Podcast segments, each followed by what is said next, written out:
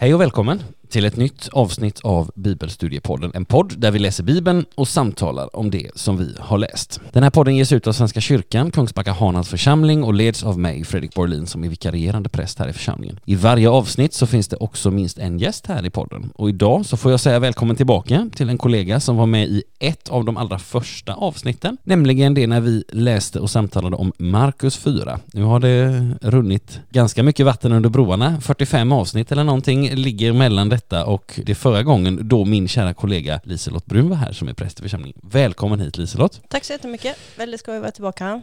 Gott att se dig här. Jag vet att du presenterade dig förra gången och du fick säkert någon allmän bibelfråga också, men du kan få någon annan fråga idag. Så jag tänker så här, har du något bibelord som du har burit med dig på senare tid eller den senaste tiden? Sådär, något bibelord du vill dela? Ja, jag eh, gillar det här uttrycket var dag har nog av sina egna bekymmer. Just det.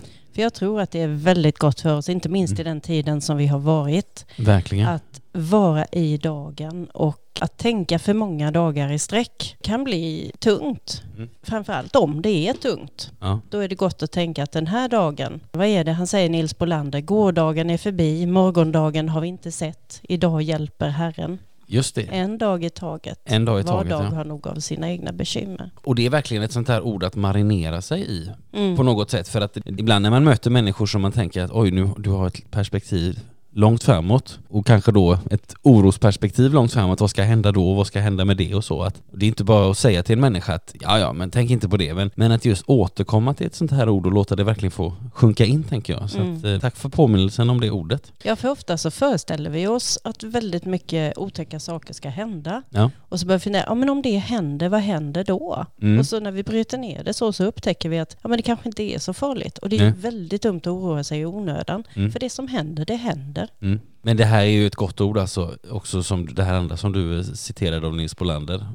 Ta det igen. Gårdagen är förbi, morgondagen har vi inte sett, idag hjälper Herren. Just Får aldrig glömma det i mitten. Idag hjälper Herren. Idag hjälper Herren och jag, jag har, får en bild framför mig av någon sån här tavla som hänger på någon Ja. vägg någonstans hemma hos Jag en tror den finns äldre person. på många ställen. Eh, ja, absolut. Jag kanske skulle ta och brodera med en, en sån för egen del. Det kunde vara gott. Du ska som sagt känna dig varmt välkommen hit Liselott. Jag minns med glädje vårt förra samtal. Du hade särskilt en bild av, det var någonting med någon badrumsspegel och vi pratade om Guds varma ljus, något sånt här. Alltså, nu minns jag inte allting i detalj, men det är lite som med predikning, ibland när man hör predikningar, att man minns dem inte i detalj, men man, man är liksom tacksam att man har fått höra. Förstår du? Jag tror att du kan känna igen dig i det också, Mm. när man hör en kollega eller någon annan predika. Och det, så vill jag summera vårt förra samtal för, för länge, länge sedan Men Mm. eh, i- här i podden. Det var väldigt många goda bilder. Jag hoppas att du har någon sån god bild till oss i förvar idag också. Ja, jag gillar att tala om och tänka i bilder. Ja. För det är det jag tror vi kommer ihåg också. Ja, ja men det vi tror jag med. bilder för varandra.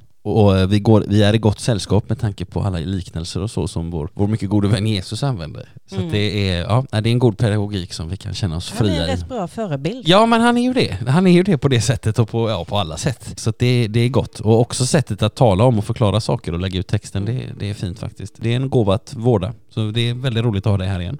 Tack. Gott, vi ska göra så kära vänner. Vi ska idag läsa Apostlagärningarna 12 och före det att vi går in i texten ska vi bara samla ihop oss lite granna. Be kort om att Gud som vi hoppas ska möta oss i texten, att han gör det och att vi är redo att möta honom. Så jag kommer att knäppa mina händer, jag gör det nu och du som lyssnar är varmt välkommen att vara med. Låt oss be. Kära Herre så ber vi dig att du öppnar ditt ord för våra hjärtan och våra hjärtan för ditt ord. Amen.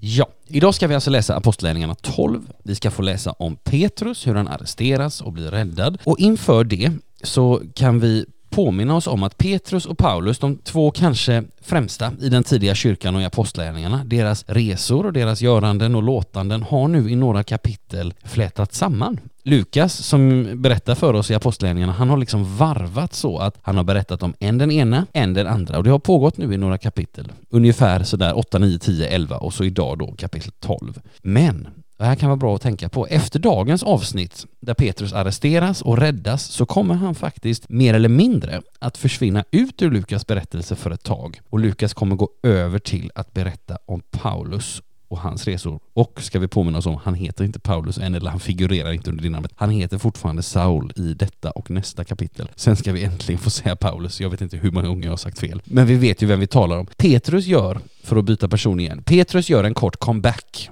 i kapitel 15, apostlamötet i Jerusalem år 49. Men sen efter det så nämns han faktiskt inte mer vid namn i apostlagärningarna. Och det är också därefter som det är verkligen Paulus som blir apostlagärningarnas huvudperson. Ja, alltså efter den heliga ande då som är den verkliga huvudpersonen. Men, men om vi får tänka nummer två. Så att det här att Petrus i dagens avsnitt är så att säga lite grann på väg ut, det kan vi ha med oss bara som en tanke när vi nu ska gå in i läsningen av det här första avsnittet där vi alltså stöter på Petrus. Sen ska vi i dagens eh, kapitel också läsa lite om Herodes och hans död. Och därför så ska vi också djupdyka i personen, eller rättare sagt i personerna som bar detta namn, för det finns faktiskt flera Herodesar i Nya Testamentet och vi ska ta en liten, göra en liten djupdykning i vilka de var. Och allra sist i dagens kapitel så vänder perspektivet igen. Och Lukas går återigen tillbaka till att följa då Saul, som han fortfarande heter, hans göranden och låtanden och vi är liksom i, kommer att vara i startgroparna för den första av hans tre missionsresor. Så att det, är, det händer en hel del här idag. Vi har en del att pyssla med, så att jag tänker att det är lika bra att vi sätter igång direkt. Och det är Liselott som glädjande nog kommer att läsa för oss idag och vi börjar med att lyssna till när hon läser det avsnitt som i min bibel heter Petrus arresteras och blir räddad.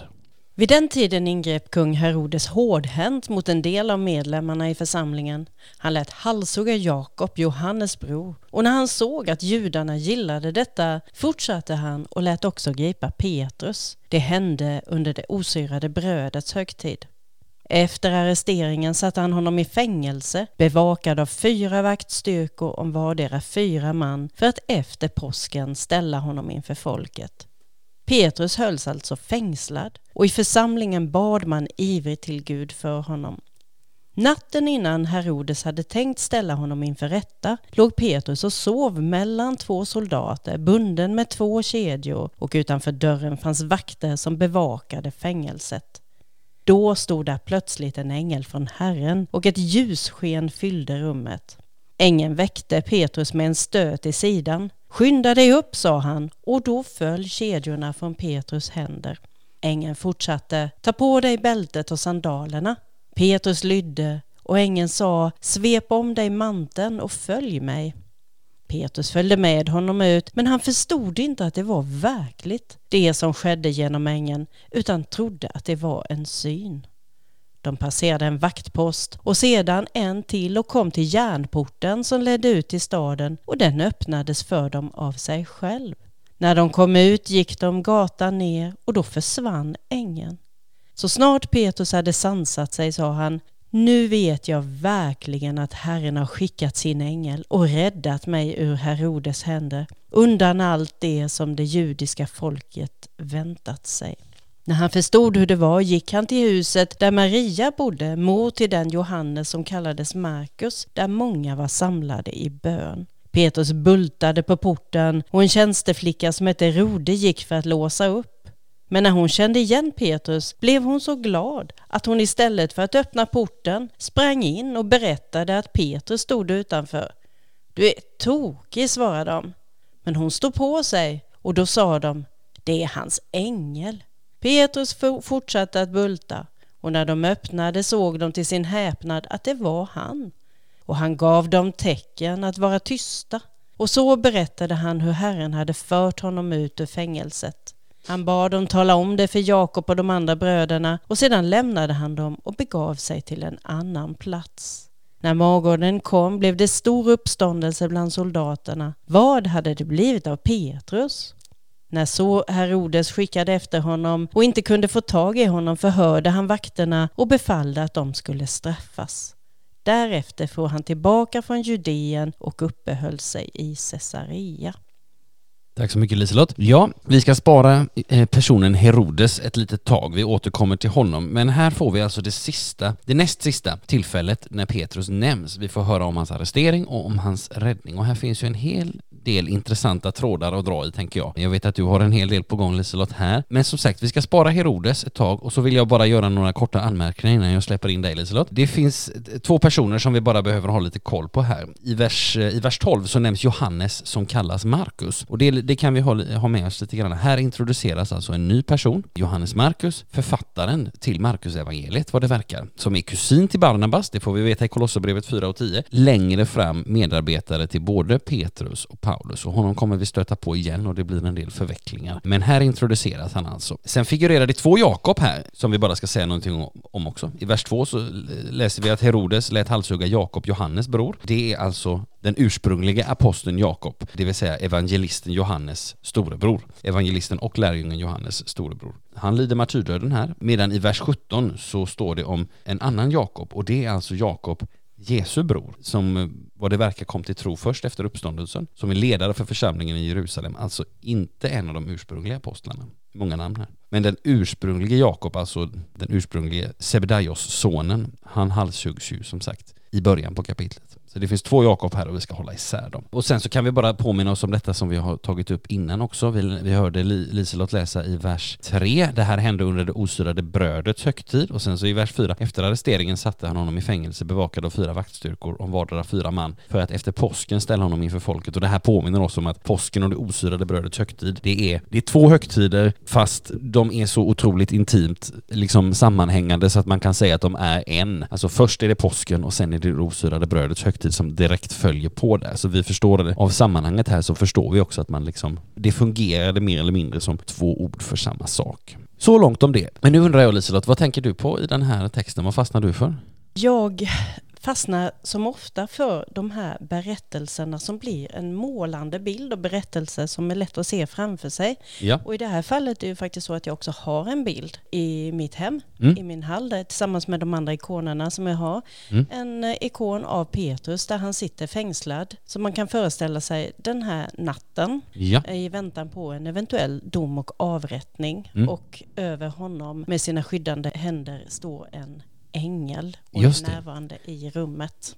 Och du har tagit med den här? Ja. Wow, väldigt fin. Han ser ut att sova gott. Ja, det är ju det som är så spännande. Och ja. det, det, det, är ju det första som man möts av i texten här då, att ja. Petrus hölls alltså fängslad. Och natten innan han hade, skulle ställas inför rättan så ligger han och sover fastkedjad vid två soldater. Och jag vet inte, jag har aldrig ställts inför den domen men jag har nog legat sömnlös inför bekymmer. Ja, absolut, Precis som samma jag pratade om eh, med bibelordet idag, mm. gör inga bekymmer. Och det mm. känns som att Petrus han har verkligen lyssnat till det. Ja. För han ligger och stensover. Ja.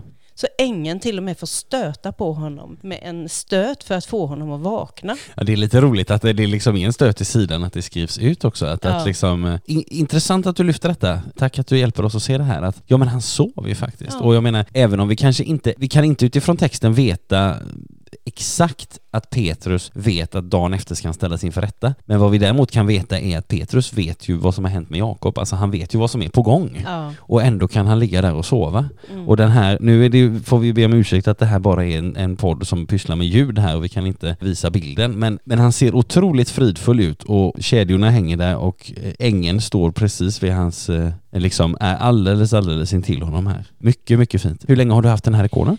Jag har haft den sedan 2017 och då fick jag den som en gåva när jag avslutade en tjänst som häktespräst i Uddevalla häkte arbetade jag under några år. Okej. Okay. Och det var, det kanske är förmätet att likna sig själv vid en ängel, men just detta att komma in i rummet, cellen, ja. hos de som faktiskt bokstavligt talat är inlåsta, där inga järnportar öppnar sig, ja. och få vara närvarande i ja. samtal med dem var en väldigt stark upplevelse som lärde mig oerhört mycket. Ja, det kan jag tänka mig. Det var till och med faktiskt så att det var en intagen en gång som sa, ja, vad jobbigt det måste vara för dig liksom att, att vara här. Så sa jag, det här är det bästa på hela veckan. Så mm. tittade hon på mig och sa, hur ser resten av veckan ut då? Ja, just det.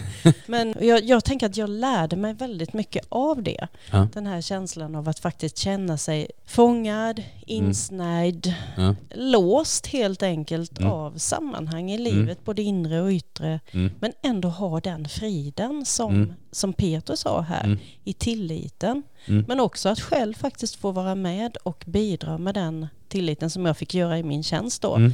Att gå in och faktiskt sitta ner och bara vara. För ja. det var mycket det det handlade om många gånger. Mm. Att bara vara där. Mm. En förmån tänker jag också, att, att få vara i den typen av miljö som de allra, allra flesta av oss aldrig möter. Eller som vi, som vi inte möter eller som vi bara möter vid något enstaka tillfälle i livet. Och att få, vara en, Ja. att få då vara en person som verkar i den miljön och, Mm. och liksom eh, går i det uppdrag man har fått. Liksom. Det, Och det, faktiskt bokstavligt talat vara någon som kommer utifrån därför Ja. att det finns en stor misstänksamhet mot både vakter, personal, polis och så vidare att de, de har en annan agenda. Men eh, som någon frågar mig, du får inte säga detta till någon, eller hur? Nej, och då hände det ju faktiskt att man verkligen fick veta hur, Mm. hur det var. ja, det en, Men det som är spännande med Petrus här då, när Ja. vi pratar om det, hur det verkligen var, ja, och hans goda sömn är ju, som, som vi pratade om här, varför sover han så gott? Och det var du som sa, ja, ett rent samvete är ju bästa huvudkudden.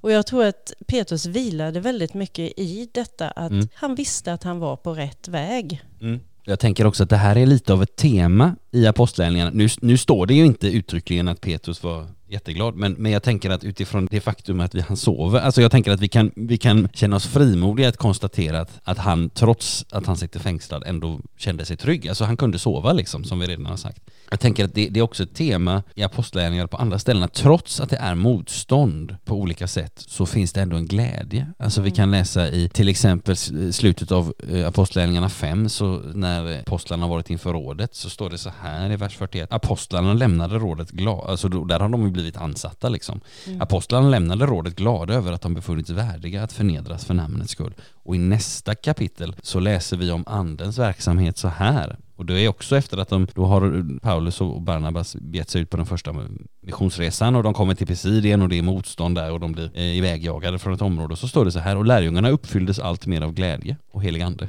Mm. Trots att de har haft en riktigt tuff dag. Mm. Så jag tänker att det är den här, det är den här dubbelheten hela tiden att, att både, ja men det är motstånd och det, det, det är liksom, jag menar Petrus är ju i alla fall till det yttre i en förfärlig situation här. Mm. Liksom. Samtidigt så finns det den här tryggheten som följer dem hela tiden och det Mm. tycker jag är härligt att ja, men få påminna sig om. Liksom. Att det är också, jag tänker att det är också anden som verkar den goda sömnen här. Mm. På något sätt, eller den friden, det är liksom andens verk även om det, det också har med Petrus person att göra så att säga. Mm. Och det kanske vi också kan känna oss igen, igen oss i, att Ja. vi inte alltid är glada, men Nej. vi kan ändå känna oss trygga. Ja, ja men precis och det, är, och det är två olika saker Ja. och det senare är, är viktigare än det första. Ja, utan tvekan. Mm. Sen kan man ju tänka lite på så här om vi, om vi tänker på den här situationen som vi har mött här i texten. Vi får lite, vi får lite politik här också. Den här Herodes som vi ska fördjupa oss i om en liten stund, han, han gick fram hårdhänt står det, låter halshugga en person, han ser att han får liksom gillande av folk och då passar han på att göra lite mer och dessutom är det då osyrade brödets högtid så att det är mycket folk i rörelse, alltså det är spänningar i luften och så vidare. Eh, Och det här utnyttjar Herodes för att han vill på något sätt, ja han vill vinna, han vill vinna gillande bland, eh, alltså den herodianska ätten är ju, kan vi säga, halvjudisk så att man har liksom ett ben i det judiska sammanhanget men man har också ett ben i det idumeiska sammanhanget, alltså ska vi säga ett, ett grannområde eller ett grannfolk till, till judarna.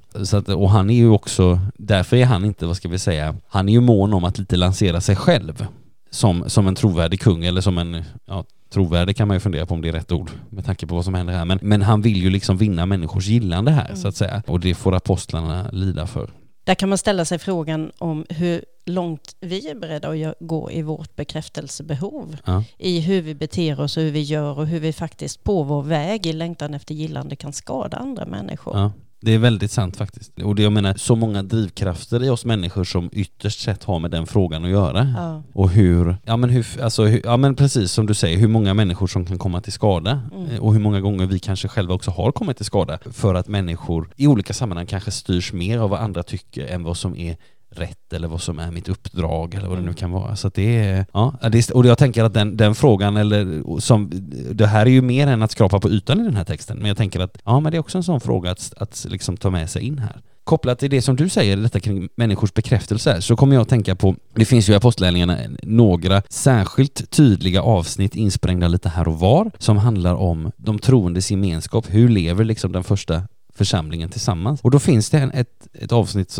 i slutet på kapitel 2 som beskriver detta och som också har lite en koppling in till det här som, som du nämner med bekräftelse, för det står så här. Petrus han har hållit sitt tal på pingstdagen och sen så får vi läsa lite om vad som hände därefter och då stod det så här. De, alltså allt folket som lyssnade, eller människor som lyssnade, tog till sig hans ord och lät döpa sig och den dagen ökades de troendes antal med inemot 3000. De deltog troget i apostlarnas undervisning och den inbördes hjälpen i brödbrytandet och i bönerna. Alla människor bävade, många under och tecken gjordes genom apostlarna.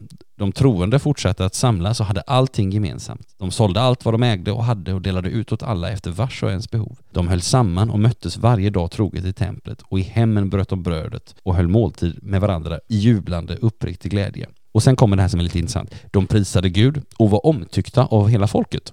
Och Herren lät var dag nya människor bli frälsta och förena sig med dem. Alltså, de var också omtyckta, men det är liksom det sista som nämns. Alltså det fanns många andra saker först och jag tänker att det kan också vara, det kan också vara lite, vi, kan, vi skulle kunna tänka på det lite som en arbetsbeskrivning också idag, att, att liksom det finns mycket som är viktigt och det är inte heller, vi människor är inte immuna mot vad människor tycker.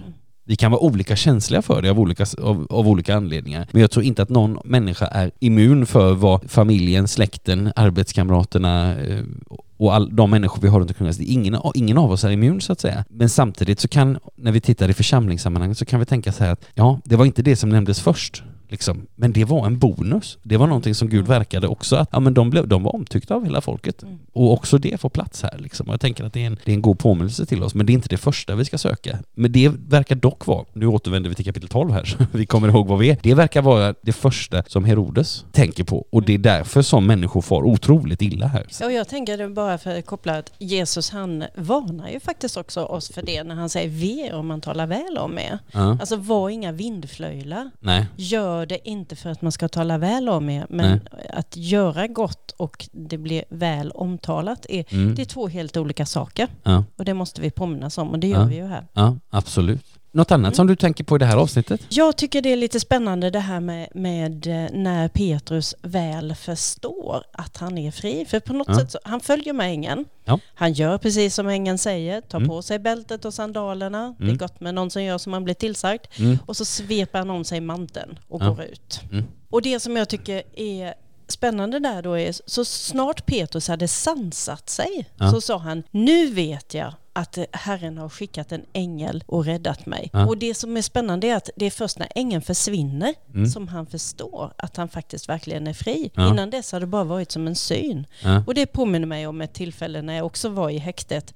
När, när vi var i dagrummet tillsammans och så var det någon som sa till en av de intagna att Eh, följ med mig in i rummet här så mm. ska vi prata och så vi kan gå in på kontoret och när han kommer ut så skiner han och ser verkligen ut som en ängel eller som mm. man har sett den. För, för då kommer han ut och säger jag får gå hem. Mm. Och det är liksom bara plötsligt händer det. Ja, just det. Och den verkligen. Lyckan, det är verkligen någon som får låsa upp dörren för honom. Men just den här känslan av att det är sant, det mm. är verkligt. Mm. Och så blir det ju för Petrus nu att, mm. ja men vad gör jag nu? Det är mm. faktiskt så mm. att jag är, har gått fri, eller mm. har gått fri, har i alla fall sluppit undan soldater och Herodes och fångenskapen. Och det är spännande sen vad han gör efter det. Ja, alltså det är fint att få höra om det här verkligen, den här situationen som du var med om Liselott och hur liksom, ja där har du, där har, du har fått, du var med och så att säga upplevde något liknande om en människa som verkligen blev, blev fri på det sättet. Mm. Sen tänk, vi kan tänka på det här också med, med Petrus och hans bälte, det är ju en liten detalj men den är lite snygg så vi tar med den. Ängeln fortsätter, eh, det står så här i vers 8, ängeln fortsatte, ta på dig bältet och sandalerna och det är lite intressant för att eh,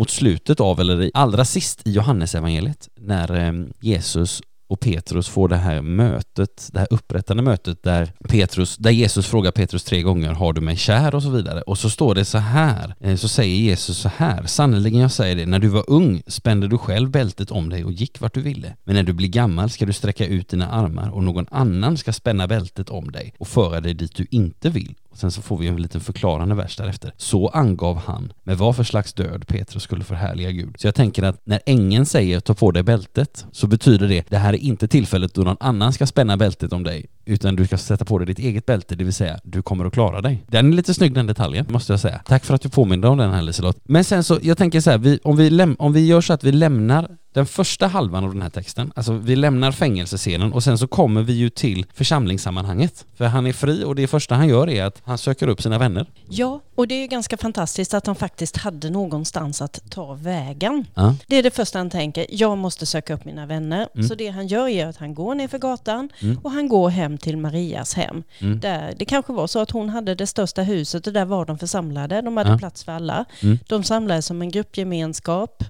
Och de bad. Och det ja. de bad för var ju att Peter skulle bli fri. Ja. Och så knackar han på dörren. Jag kan tänka mig att det här är ju då mitt i natten. Men tjänsteflickan är i alla fall uppe och vaken. Och Mm. hon springer och så ser hon Petrus. Och hon blir så fullständigt till sig av överraskning, glädje, det ena med det andra. Ja. Så hon springer tillbaka in i huset. Men det Ja. hon gör ju att hon glömmer öppna dörren. Mm. Så Petrus är kvar där ute.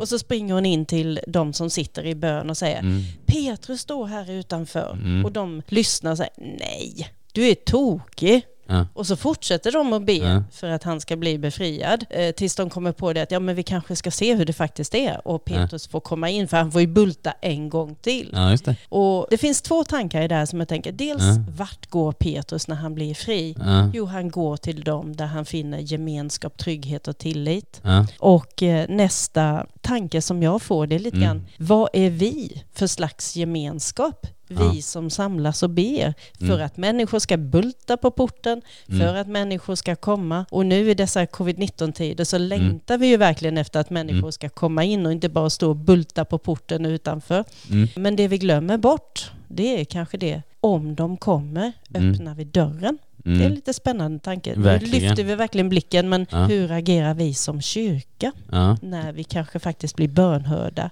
Ja. i det som vi ber för. Ja, det är ju en, det, men precis, det är ju en, en sak att kunna använda som en, som en spegel på sig själv. Det här att eh, de här personerna som sitter och ber och sen så när Petrus kommer så tror de inte att det har hänt. Och då är frågan, ja, de är så inne i sin bön och det är inget fel att vara det, absolut inte. Men de är så inne i sin bön att de inte heller är uppmärksamma på att ja men Gud verkar ju. Och då är frågan, där, och det där lite för att haka i det du säger, där tänker jag att det finns också en, ja men ett litet utropstecken till oss. Kolla här, så att ni inte hamnar i samma fälla. Be gärna men också, men också förvänta stora ting. Mm. Alltså det mm, Och vilka bönesvar vi får, för ibland Ja. så svarar ju faktiskt Gud på ett sätt som vi inte alltid förstår eller Nej. ser. nej. Att helt enkelt be om en uppmärksamhet också. Ja, ja men verkligen. Och också det här att ha med i beräkningen, jag tänker på nu kan vi backa bandet igen. Vi kan tänka på Jesus i ett semane, men inte som jag vill utan som du vill, bad han för fadern där liksom. Att också, Mm. att också ha i beredskap för att vi får uttrycka vårt hjärtas önskan igen och igen och igen. Och Gud vet precis vår längtan och, och liksom sådär, men vi behöver inte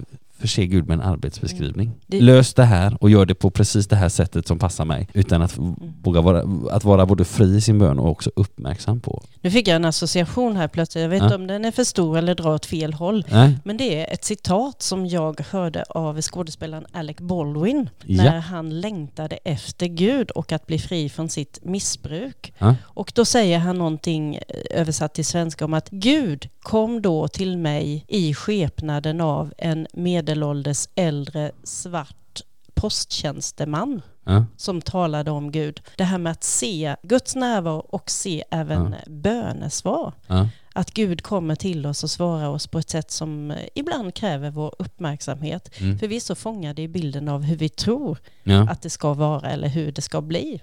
Medan det kan bli på ett helt annat sätt men ändå bli rätt. ja, just det. Och jag tänker också omvänt, och det talar ju också Jesus om, det här att det vi har gjort för hans minsta bröder har vi gjort för honom. Att känner vi igen Jesus i Ja. den eller den personen här på Kungsbacka torg eller som finns någonstans ute i marginalen? Känner vi igen den personen liksom? Mm. Att det, man kan också, att Gud kommer till oss i oväntade skepnader så att Mm. säga. Ja, det är häftigt. Ja, Därför det är en, var det gott ändå med Rode, Mm. tjänsteflickan där som faktiskt kände igen Petrus. Ja, och jag tycker också det är lite charmigt det här att, vad ska vi se här, det står så här. Petrus bultade på porten, läser jag i vers 13 här, och en tjänsteflicka som heter Rode gick för att låsa upp. Men när hon kände igen Petrus röst blev hon så glad att hon istället för att öppna porten sprang och berättade. Alltså det är lite, Ja. det är lite charmigt att hon får någon slags blackout här. Ja. Och det är väldigt, och jag tycker också att det är, det är också väldigt fint att det här är med. Mm. Alltså att, att Lukas, jag menar det, man kan säga att den lilla beskrivningen, den är ju mer charmig för att liksom beskriva glädjen och så vidare. Men den är ju, alltså vi kan ju mycket väl förstå händelsen, skeendet utan att den finns med. Men ändå har Lukas tagit med detta. Jag tycker att det, alltså det, det, det fyller ut bilden. Men jag tycker också att det gör det autentiskt på något Mm, sätt. mm. Alltså att det, han hade inte behövt ta med det här, men han känner till det och därför varför skulle inte Rode kunna få skrivas in här? Hon har ju, hon har ju uppenbarligen varit med. Det var ju hon som såg till att Petrus blev insläppt liksom. Mm. Och just att det är den här tjänsteflickan som blir namngiven. Ja. Medan, ja, i Marias hus då, medan de här, det som kanske var den så att säga fina församlingen Ja. sitter och ber och hon är den som går runt och tjänar och Ja. med vårt mått mätt skulle vara den som kanske fixar och donar och tömmer papperskorgar och Ja. kokar kaffet och ser till att allting finns och öppnar Ja. dörren. Det är hon som ser och det är hon Ja. som förstår. Mm. Och det är ju också någonting som vi kanske får ta till oss som Absolut. kyrka och gemenskap. Verkligen. Gott. Ja, som sagt, många trådar i det här att nysta upp. En väldigt fin text. Och som sagt alltså, vi läser allra sist ska vi också göra, alltså därefter for han tillbaka, Petrus alltså, från Judeen och uppehöll sig i Caesarea. Det vill säga, här fejdar Petrus ut lite. Han kommer tillbaks i kapitel 15, det har vi redan nämnt, men sen så får vi inte möta honom mer i apostlärningarna. Då nämns han inte mer. Sen betyder inte det att han inte är verksam, för det är han. Men Lukas går i sin berättelse över mer och mer mer definitivt till att skildra Paulus och hans missionsresor. Och det är ju också faktiskt liksom precis vid, liksom i startgroparna för den första av de tre resorna som vi kommer sluta i dagens kapitel. Men vi har två mycket korta avsnitt kvar och det första av de båda handlar om Herodes död och därför så ska vi nu ta en liten djupdykning i Herodes. Och då kan jag säga att det här kan bli lite av en karamell för den historiskt intresserade och det kan bli för den historiskt ointresserade så kan det bli en, pina. Men bear with me som man säger på engelska, håll ut. Du, du som inte är li, lika fascinerad av den herodianska ätten och dess företrädare. Men jag tänker det finns ett par Herodes i Nya Testamentet och det kan vara bara bra att säga någonting om de här olika personerna så att vi liksom håller isär dem, även om de också som sagt i, eh, hänger samman eftersom de tillhör samma ett och kungahus. Och vi ska göra så att vi ska utgå ifrån den här texten. Alltså, vi hörde Liselott läsa här i vers 1 här i kapitel 12 om vid den tiden ingrep kung Herodes hårdhänt. Så vi börjar där. Alltså Herodes som nämns här, det är den Herodes som har tillnamnet Agrippa den förste. För det finns som vi redan nämnt flera Herodesar och vi ska säga någonting om dem, försöka skapa någon slags överblick över de här personerna. Och vi ska försöka göra detta i tidsordning. Den Herodes som nämns här, han har en farfar. Och den farfaren, som också hette då Herodes, kallas för Herodes den store. Det är den Herodes som fanns med vid Jesu födelse. Han är den kung i Jerusalem som de tre vise männen, eller ja, som vi, det egentligen står, de österländska stjärntydarna kommer till. Det här läser vi om i Matteus 2. Han befaller ju sen, han är orolig för att kungamakten ska tas ifrån honom när han hör att judarna har fått en ny kung i det nyfödda Jesusbarnet. Så han befaller att alla gossebarn under två år i Betlehem med omnejd ska dödas. Eftersom ju Herodes inte vill att någon annan än han själv ska vara kung. Herodes barnamord som sagt, Matteus 2. Och den här Herodes han föds 73 före Kristus, han dör 4 före Kristus, vilket hjälper oss att inse att Jesus faktiskt föddes, han är före sin tid på det sättet, alltså det här som vi kallar år 0, vilket ju tekniskt sett inte finns, för det finns ju ett år 1 före Kristus och så finns det ett år 1 efter Kristus. Men eh, det är ju en felräkning som någon munk någon gång har gjort långt, långt tillbaka. Men, men vi ändrar liksom inte tideräkningen nu. Eh, utan vi, vi håller oss till den gängse. Och Herodes dör 4 före Kristus, vilket hjälper oss att se att Jesus är förmodligen förmodligen född 4-5 år före Kristus, eller före år 0 eller vad vi ska kalla den här punkten där, liksom, där tideräkningen vänder Före så att säga. tideräkning har jag lärt mig att skolan lär ut. Ja, så säger man idag och därför så fortsätter jag att säga före Kristus. Eh, så som den gamla U jag är. Eh, och den här första Herodes, den, Herodes den stora, han var tetrark, alltså fjärdingsfurste, lydfurste under den romerska kejsaren och han var det över Galileen och Judeen och Samarien och ytterligare några områden. Vi kan, vi kan alltså tänka på att hela, hela evangeliernas värld, de styrde han över kan vi säga. Han var en god administratör, han hade tendenser till maktfullkomlighet, han mördade både en och två av sina släktingar, för precis som han var livrädd för att Jesus, eller det här nyfödda gossebarnet, skulle bli kung i hans ställe, så var han också rädd för att andra personer i, i den herodianska släkten skulle försöka störta honom och därför lät han mörda både den ena och den andra av dem. Men han var en god administratör, inte för att det skyller över hans brott, men det var han. Och han byggde också ett stort kungapalats och han bör, påbörjade en större ombyggnad av templet i Jerusalem. Det här har vi nämnt någon gång när vi pratat om templet vet jag. Och man kan säga att Herodes den store, han fick sin kungamakt i omgångar. Först tillträdde han som ledare över Galileen, det gjorde han 47 f.Kr. Och sen tio år senare så fick han kontrollen över då ytterligare områden, alltså Judeen och Samarien och så vidare. Och det här hjälper oss också att förstå att det är liksom romarna, som är de stora cheferna, som bestämmer. Och så får vi tänka oss att ja, men man, man liksom, Herodes fick Galileen och så tittar lite romarna och undrar hur det går för den där Herodes borta i Galileen. Ja, han sköter detta helt okej. Ja, okej, han får ett lite större område att styra över. Och det det har förekommit i historien att judiska och, och, eller, judiska och andra lydkungar i det här området har liksom både fått mer makt och blivit fråntagna makt, blivit avsatta, upphöjda och så vidare. Så att det, det kan man säga, det är romersk realpolitik skulle vi kunna säga.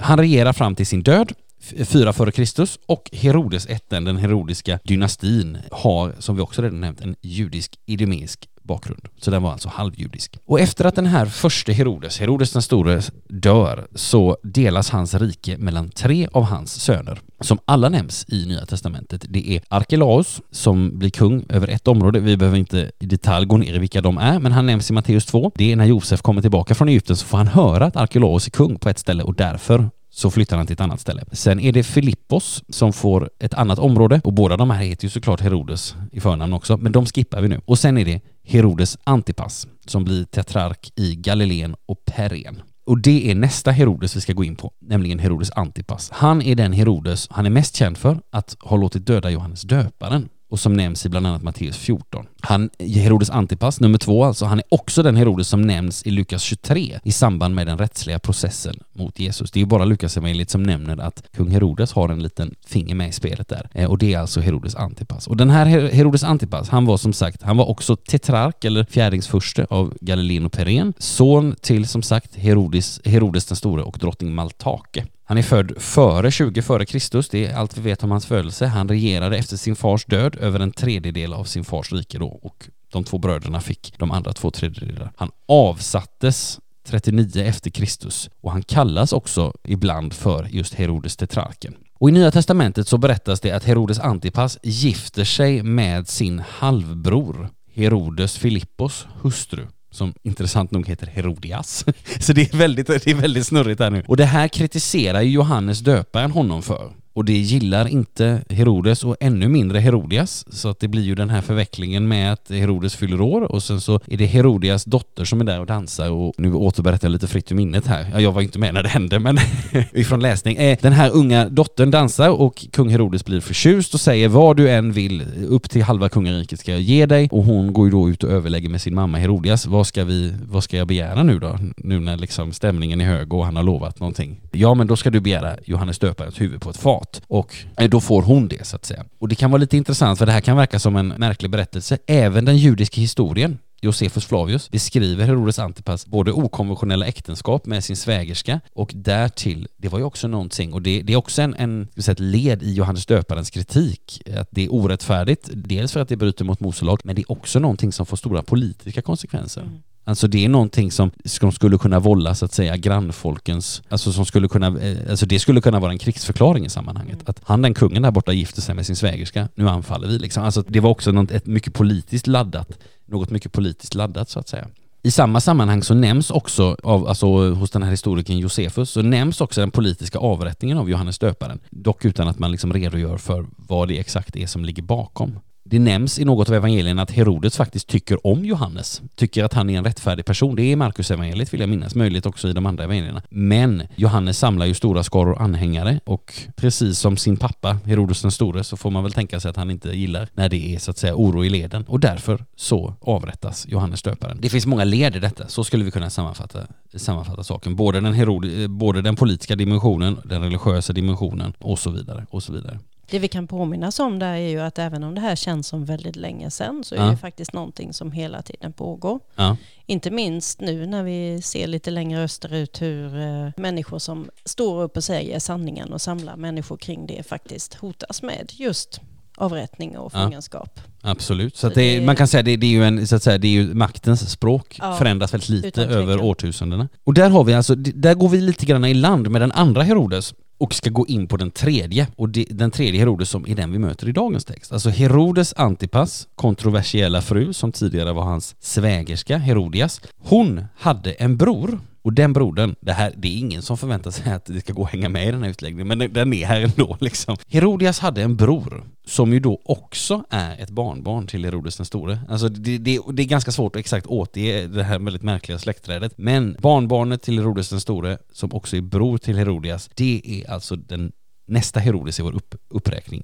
Herodes Agrippa den första, som också hette Julius Agrippa. Han är född 10 före Kristus, han dör 44 efter Kristus, det är ju det vi ska få läsa om alldeles strax, eller höra Liselott läsa om. Sonson som sagt till Herodes den store, den första i vår uppräkning, och bror till Herodias. Han är också tetrark, fjärdingsförste över de så kallade småstaterna norr om Galileen, alltså till exempel uppe i, jag tror jag till exempel Caesarea Filippi som Jesus är vid något tillfälle är det, ja, det är uppåt det hållet, norr om Galileen i alla fall. Han, är även, han styr även över det som kallas för Östjordanlandet. Och sen så lite senare, det har, vi, det har vi hört om tidigare också, något senare så utökas hans område och omfattar också Judeen och Samarien och därmed så har han liksom, lyckas han liksom samla det rike som hans farfar styrde över, alltså den första Herodes. Agrippa den första för en nationell politik, en mer nationell politik än sina föregångare. Ett uttryck för detta var hans förföljelse mot de kristna varvid till exempel då aposteln Jakob led martyrdöden. Det är ju det vi läser om här. Alltså han för en nationell politik, han vill bli gillad av, av sina undersåtar. Han låter uppföra en ny mur, den tredje omkring Jerusalem och, vilket vi ska läsa om om en mycket, mycket liten stund, han dör en plötslig död i Caesarea år 44. Och det hjälper oss också att se hur långt har vi kommit? Apostlagärningarna börjar år 32, 33 där när Jesus dör och uppstår. Hur långt har vi gått? Ja, vi har faktiskt kommit 10 år, 11 år, 12 år framåt i tiden. Nu är det år 44. Det hjälper också den här uppgiften om Herodes död oss att se. Och den här Herodes Agrippa den första, han får bland annat en son som får namnet Herodes Agrippa den andre. Det är vår fjärde och sista Herodes i den här uppräkningen. Denne Herodes Agrippa den andre som också nämns i Nya Testamentet. Han, är, han föds 27 efter Kristus, han dör år 100. Och Agrippa den förste, han är inte kung i riktigt samma mening som sin pappa. Alltså när, när hans pappa dör, vilket vi ska läsa om strax, då ställs Palestina under romersk prokurator. Några år senare, år 50, så får Agrippa den andra, han får bland annat rätten att utnämna överste präst i Jerusalem och därefter får han, sin, eh, får han eh, något av de här områdena som släkten har lagt under sig. Och liksom stegvis så eh, ska vi säga, stegvis så växer det område återigen som liksom romarna låter honom styra över. Han bor i Caesarea vid eh, berget Hermon och han omnämns vid ett tillfälle i Apostlagärningarnas 25 kapitel i samband med att aposteln Paulus, som efter att ha suttit fängslad i två år utan rättegång i Caesarea, vädjat till kejsaren i Rom att få sin sak avgjord där. Och liksom sin far så var Agrippa den andra angelägen om att inte stöta sig med judarna. Under hans tid fullbordades templet i Jerusalem, men kort därefter så utbryter det judiska kriget och templet förstörs. År 66 alltså så utbryter det judiska kriget. Agrippa ansluter sig då till romarna sedan han förgäves försökt mäkla någon slags fred eller bekämpa den här stormen. Och sen så får han i sin residensstad då, det vill säga i Caesarea, så får han se när den romerske generalen Titus firar seger över hans folk, alltså när romarna slår ner det här upproret som judiska kriget är. Agrippa dör år 100 och där sätter vi punkt för denna långa mångordiga Herodes-framställan. Tack Liselott för att du stod ut. Men det man kan ta med sig från detta är, det finns lite olika Herodesar och de är kanske, vi ska säga, de är väl inte kanske evangeliets främsta samarbetspartner, någon av dem. Sen är de kanske lite olika dåliga om man nu får säga så. Eller de är, mot, de är motståndare i, på olika sätt och olika grad liksom. Men jag tror oavsett man, om man, även om man inte håller reda på alla årtal och släktled, att mm. det är bra att ha med sig att vi ja. vet att det finns flera olika Herodes. Ja. För annars så tror jag att den som läser och tänker, men, men hur går det här ihop? Ja. Att det faktiskt spridde sig, precis som du säger, över en lång tid och flera mm. släktled. Ja. Och precis, och man kan tänka då från, alltså den första Herodes föds 73 före Kristus och den fjärde dör 100 efter Kristus mm. och det hjälper oss också att se att nej, men här har ju förflutit tid och här har förflutit uppgiften vi får idag som vi strax ska få höra dig läsa Liselott om att nu dör Herodes. Det hjälper oss ju också att fixera, pang, det här hände 44 liksom. Mm. Så det är också en, en bra anledning, eller rätt sagt, det är också en god hjälp för oss att liksom fixera det här i tiden så att säga. Men nu, nu lämnar vi Herodesarna, nästan, för vi ska läsa om hans död också. Mm. Invånarna i Tyros och Sidon hade dragit på sig Herodes vrede. Gemensamt uppvaktade de kungen och sedan de lyckats vinna hans kammarherre Blastos för sin sak bad de om fred. Deras land var beroende av kungen för sin försörjning. På utsatt dag tog Herodes plats på tribunen iförd sin kungaskrud och höll ett tal riktat till dem. Och folket ropade, det är en gud som talar, inte en människa. Men i samma ögonblick slog honom en ängel från Herren för att han inte gav Gud äran och han blev uppäten av maskar och dog. Guds ord fortsatte att sprida sig och tillväxa. Sedan Barnabas och Saul hade fullgjort sitt uppdrag i Jerusalem vände de tillbaka och tog då med sig Johannes som kallades Markus. Gott. Ja, nu fick vi resten av kapitlet här. Så vi, lä vi läste både om Herodes död och sen så var det de här sista verserna om Barnabas och Saul som sänds ut från Antiochia, startpunkten på eller liksom upptakten till, till den första missionsresan. Men det, det var gott att vi läste ihop dem. Jag tänkte att jag hade bara några tankar här som jag ville dela, sen har jag, vill jag höra med dig vad du tänker Liselott. För nu får vi alltså läsa om den Herodes, nummer tre av fyra, och om hans död. Och det kan vara intressant bara, vi ska inte nämna så mycket mer om detta egentligen, mer än att dels läser vi om att han var iförd sin kungaskrud. Det är lite intressant och då kan man tänka sig var, var, varför nämns nämns det här? Ja, vi vet inte varför det nämns, men vi vet faktiskt lite mer om den här kungaskruden, för den finns faktiskt omnämnd i historieböckerna. Det är lite intressant. Eh, då får man tänka sig att den var ganska spektakulär, eftersom till och med den här skruden har kommit med. Det är alltså historikern Josefus som berättar om att den här skruden är gjord helt i silver och glittrade i solen, så att det var nog en ganska, om den är gjord helt i silver är det nog en ganska otymplig sak. och ganska, vad ska vi säga, prålig får vi nog tänka oss. Och sen så står det så här, han blev uppäten av maskar. Och då kan man fundera på, vad betyder det? Ja, återigen historikern Josefus hjälper oss. Han berättar att Herodes plågades av en magsjukdom i fyra dagar innan han dog år 44 efter Kristus. Alltså det är, jag, tror, jag tänker att det här uppäten av maskar och magsjukdom, alltså att det går att liksom kombinera dem, att Mm. se hur dog han? Ja, det, han hade någon typ av magsjukdom som kanske inkluderade någon form av maskar och han plågades några dagar och sen dog han liksom. Har du någonting som du tänker på i de här två mycket korta avsnitten Liselott? Ja, det är en, det enda jag tänker på, detta med, med eh, när han tog plats där på tribunen, inte vad han själv tillräknar sig, utan faktiskt vad folket gör. Att Ja. de upphöjer honom till en gud. Ja. Och där igen kan jag se och tänka efter, hur gör vi idag? Ja. Att vi ibland gör som så att Mm. vi gör människor till, ja kanske inte gudar, men till hjältar och så vidare. Mm. Och sen när de då gör någonting galet så faller de hårt i människors ögon Mm. och är inte vatten värda. Nej. Så det här handlar ju egentligen mer om oss, tänker jag, och hur Ja. vi agerar och ser på Mm. varandra och ser på människor. Ja. Att rannsaka oss själva eh, Mm. i detta. Ja, och jag tänker också det här att vi hörde hur du läste allra först här. Invånarna i Tyros och Sidon hade dragit på sig Herodes vrede, gemensamt uppvaktar de kungen. Alltså de, och sen så kommer de folk dit och de ropar det är en gud som talar inte en människa. Alltså jag tänker att det säger också någonting om Herodes. Alltså att Mm. han hade liksom, han, han känns ganska lynnig. Mm. Han har liksom, det står dragit på sig, eh, folket hade dragit på sig hans vrede och de kommer dit och hyllar honom som en gud och då låter han sig liksom lite grann nöjas. Eller sådär. Alltså det är, inte, det är inte direkt en klok styrande person det här utan Nej. det känns som en ganska, ja om man, om man tänker så här i förra avsnittet så fick vi läsa om att han verkar söka folks gillande och det känns som att det finns fler osunda beståndsdelar i det här ledarskapet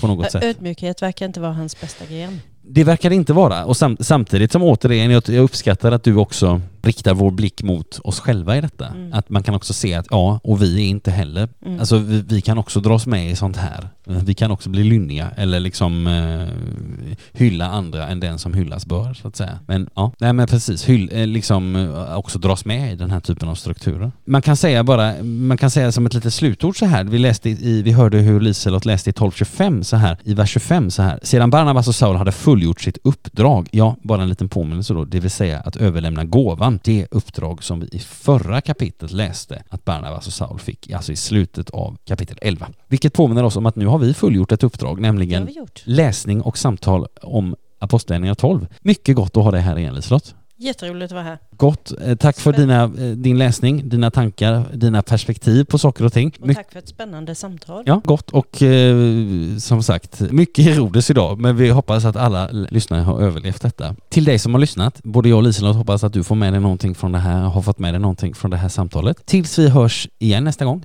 vilket jag hoppas att vi gör, så önskar jag och Liselott dig som har lyssnat allt gott och Guds rika välsignelse. Hej då!